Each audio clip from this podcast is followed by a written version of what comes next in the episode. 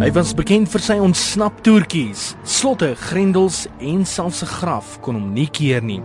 'n Meesterlike kulkunstenaar wat mense in die vroeë 1900s verstom het en wat baie mense na al asems laat snak het met sy vermoë en ook sy waghalsigheid.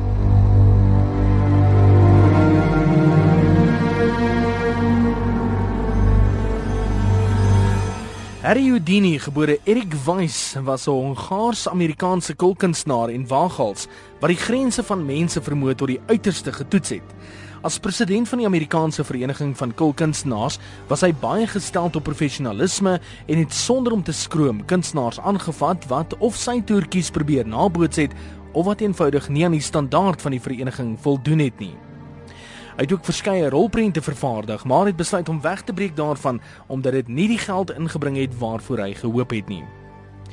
Van sy bekendste waaghals toertjies het ingesluit om in 'n melkkan toegesluit te word vir 'n uur, om lewend begrawe te word en sy pad na bo oop te krap en te kruip en om selfs deur die Daily Mirror in slot en grendel vasgemaak te word vir 'n uur lank en te poog om daaruit te ontsnap. Hy begin sy kulkunsloopbaan in 1891 met min sukses. Hy het aanvanklik net kaartkuns beoefen, maar na 'n kort loopbaan by die sirkus besluit om dit te laat vaar. 8 jaar later sou hy bekendheid verwerf danksy sy boeie toertjie met Martin Beck wat hom in daardie jaar oortuig het om eerder op die ontsnap toertjies te fokus.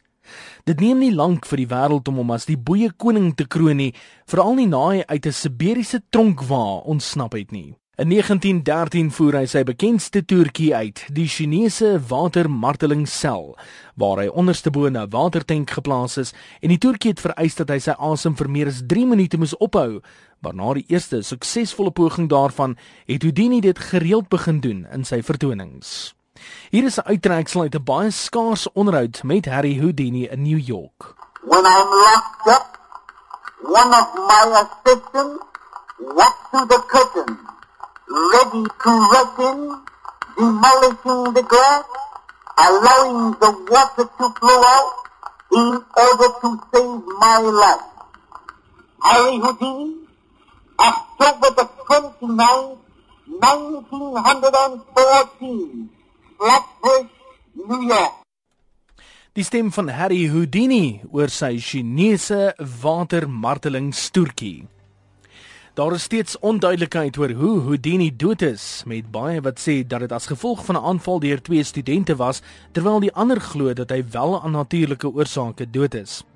Sy versekeringsmaatskappy het wel na onderhoude met die twee studente bepaal dat hy dood is as gevolg van die aanval en nie natuurlike oorsake nie en het dus 'n dubbele uitbetaling op sy lewenspolis gemaak. Harry Houdini het 'n groot indruk op die kulkunsmark gelos en word wêreldwyd beskou as die vader van moderne kulkuns.